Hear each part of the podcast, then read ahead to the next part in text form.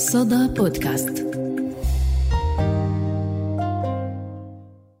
كتير منا تأذوا من تبعيات الكورونا وأثرت على حياتهم الأسرية والصداقات والمهنة وسوق العمل والطموحات والمخططات وما إلى ذلك من قصص فرضتها كورونا.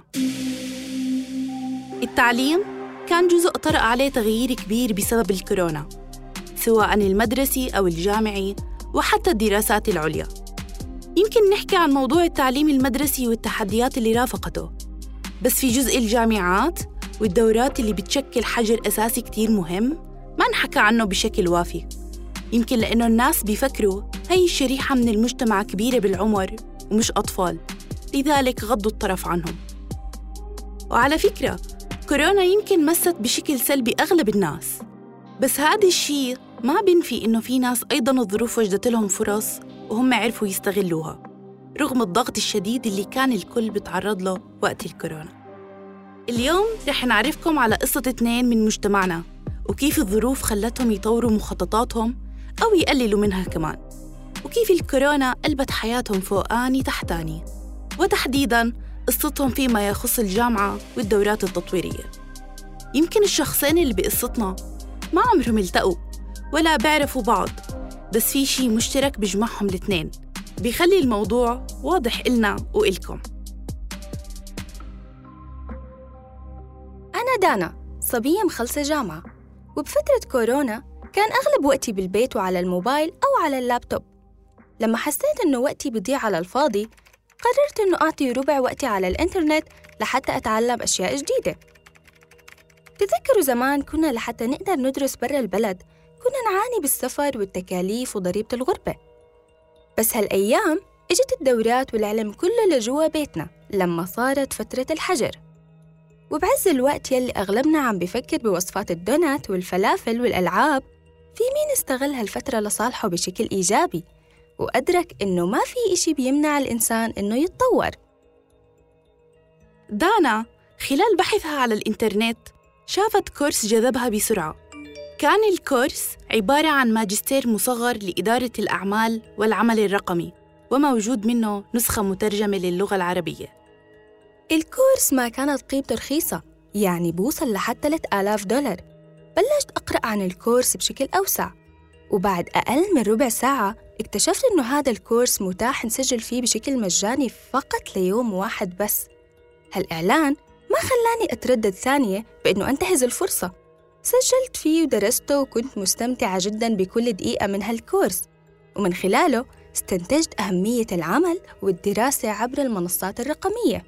يعني كبسة زر على ال Zoom أو ال Teams رح تفتح لك أبواب. وطوال فترة الحجر تلقيت أكثر من 15 course فعلا كانت فرصة ذهبية. ساعدتني إنه أطور حالي ومهاراتي. وتعرفت على ناس جداد من حول العالم. أكيد التفاعل ما كان مثل الدورة الوجاهية بس بعد تاني أو ثالث course اتأقلمت. قبل كورونا ما كانت دانا قادرة إنها تلاقي فرص وظيفية وفكرت إنه ليه ما أدور على شغل من أول وجديد بعد المهارات اللي اكتسبتها. وفكرت إنه حظوظها إنه تعثر على عمل صعبة جدا في ظل ظرف الكورونا. ومع هذا أخذت قرار إنه رح تحاول وتجرب وتخطي الخطوة. زي ما صار معها بقرار ال 15 كورس.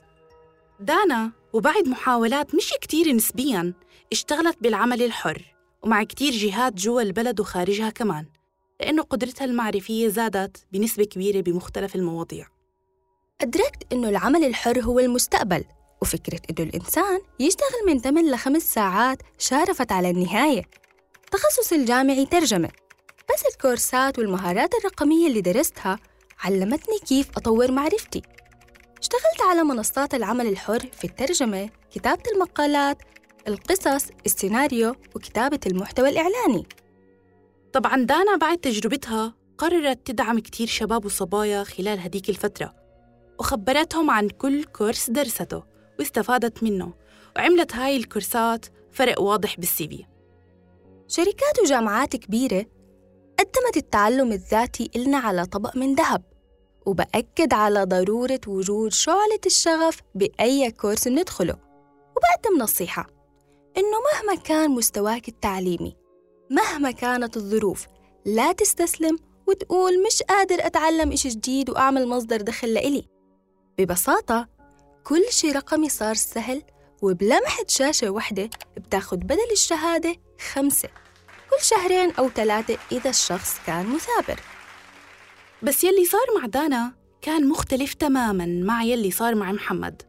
كتير منا بيعرف ناس شاطرين بحياتهم وعندهم شغف تجاه تخصص جامعي أو فكرة مستقبلية أو هدف. ممكن إحنا نشوفه خيالي وهو شايفه قريب جدا. تخيلوا معي وحاولوا تركبوا الشخصية التالية تحت اسم محمد. شاب بنية الجسدية سليمة وقوية عنده وجه مثلث وجبهة عريضة نوعاً ما. شعره أسود خشن. صفاته الشخصية بتتلخص بأنه مطلق الطموح ومتسرع أحياناً.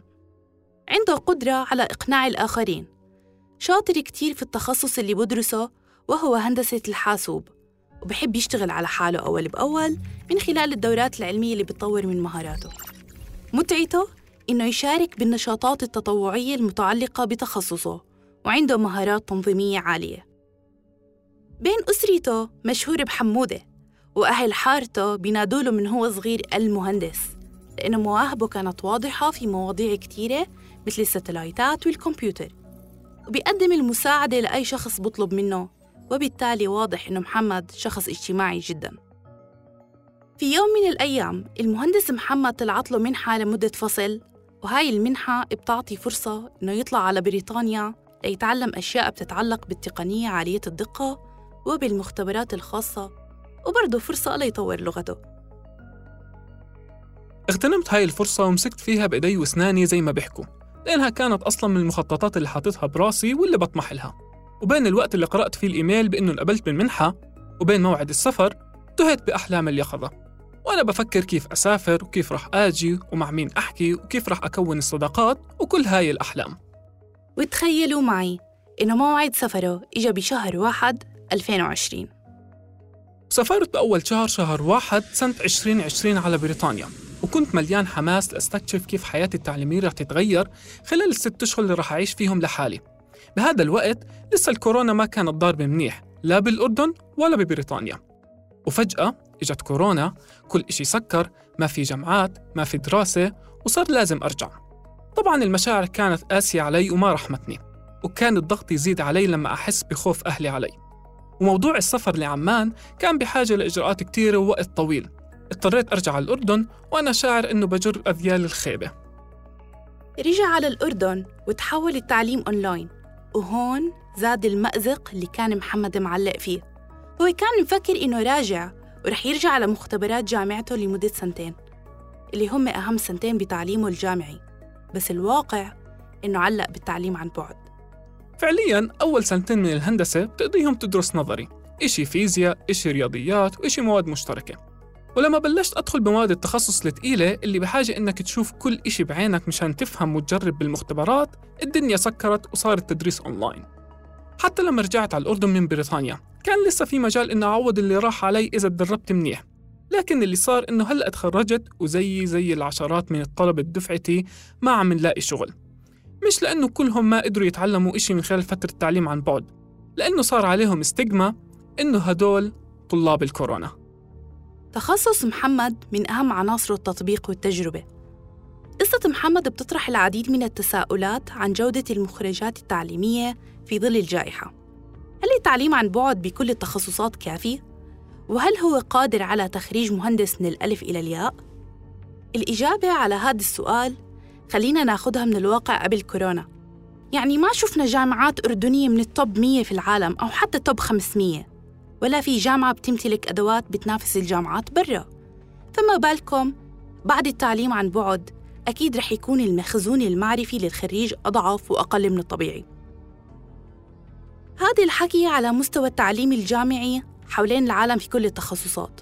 طيب التخصصات الطبية مثلاً شو مدى تأهيلهم سواء في المواد النظرية أو التطبيقية؟ برضو رح نجاوب من الواقع.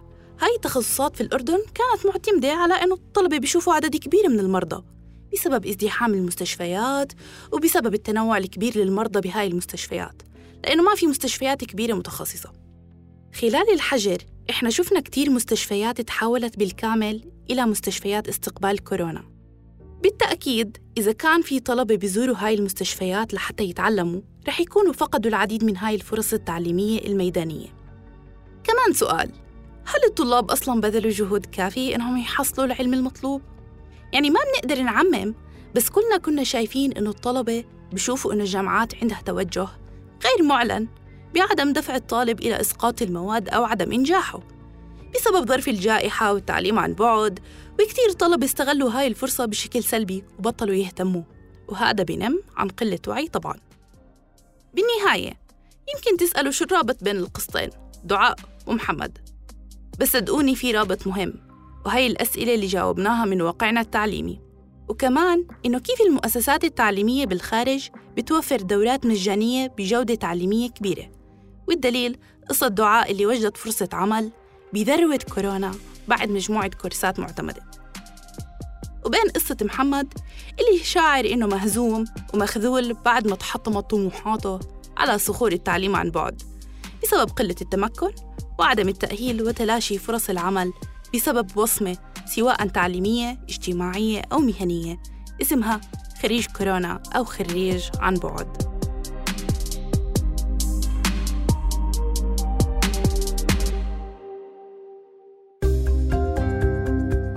صدى بودكاست